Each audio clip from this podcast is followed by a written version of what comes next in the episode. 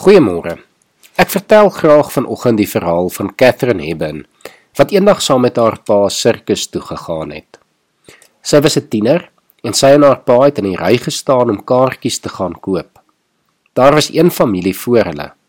Agt kinders, almal nog onder die ouderdom van 12.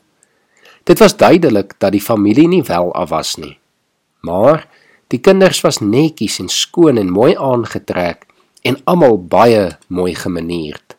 Hulle het twee twee in die ry gestaan, besig om hande vas te hou, almal agter hulle ma en pa, sodat nie een sou wegraak nie.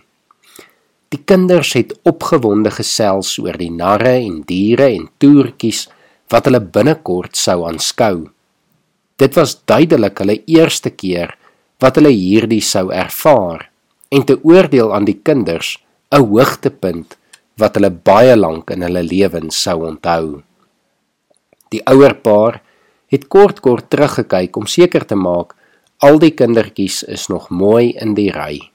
Ook hulle het hande vasgehou en mens kon sien die liefde is nog sterk tussen die twee. Toe dit hulle beurt word om kaartjies te kon koop en die dame die pa vra hoeveel kaartjies hy wil hê, het hy met trots gesê: "Agt kinderkaartjies." En twee volwasse asseblief. Die dame gee toe die bedrag wat hy daarvoor moet betaal en onmiddellik het die vrou haar man se hand gelos.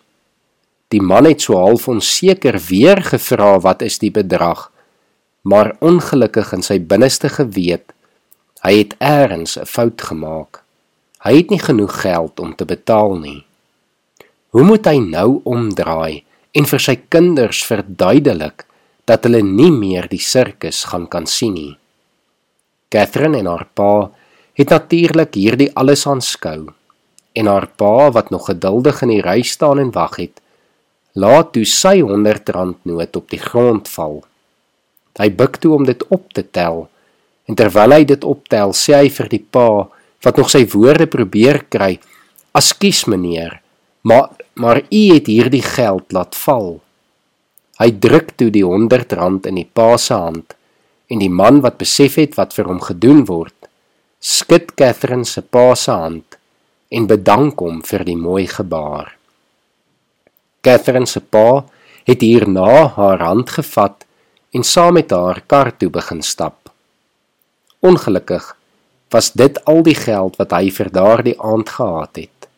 En Catherine vertel dan dat alhoewel sy nie daardie aand die sirkus kon sien nie, sy tog met 'n vreugde en dankbaarheid in haar hart saam met haar pa huis toe is. Sy getuig en vertel dat dit die dag was wat sy die waarde van gee geleer het. Dit is stories soos hierdie wat ons herinner hoekom 2 Korintiërs 9 vers 7 vir ons leer dat God die blymoedige gewer liefhet. Maar ongelukkig soos dit vandag gaan, wil baie mense gereeld erkenning hê vir dit wat hulle doen. Wat vir my so mooi van hierdie verhaal is, is dat die man sy 100 rand op so wyse gegee het dat niemand geweet het dat hy dit gedoen het nie.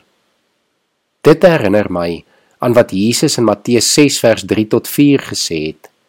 Maar wanneer jy liefdadigheid bewys, moet jou linkerhand nie weet wat jou regterhand doen nie, sodat jou liefdesdaad verborge kan bly en jou Vader wat sien wat verborge is, sal jou beloon. Mag jy vandag iemand se dag maak deur iets vir hulle te doen of te gee. Dit hoef nie groot te wees nie, maar mag dit vol betekenis wees. Probeer dit dan ook so doen dat niemand weet dit was jy wat dit gedoen het nie. En dan sal niemand vir jou erkenning kan gee nie. Kom ons bid saam. Here baie dankie vir hierdie kosbare verhaal. Om ons weer te herinner dat ons met 'n oop en 'n blymoedige hart vir ander moet gee.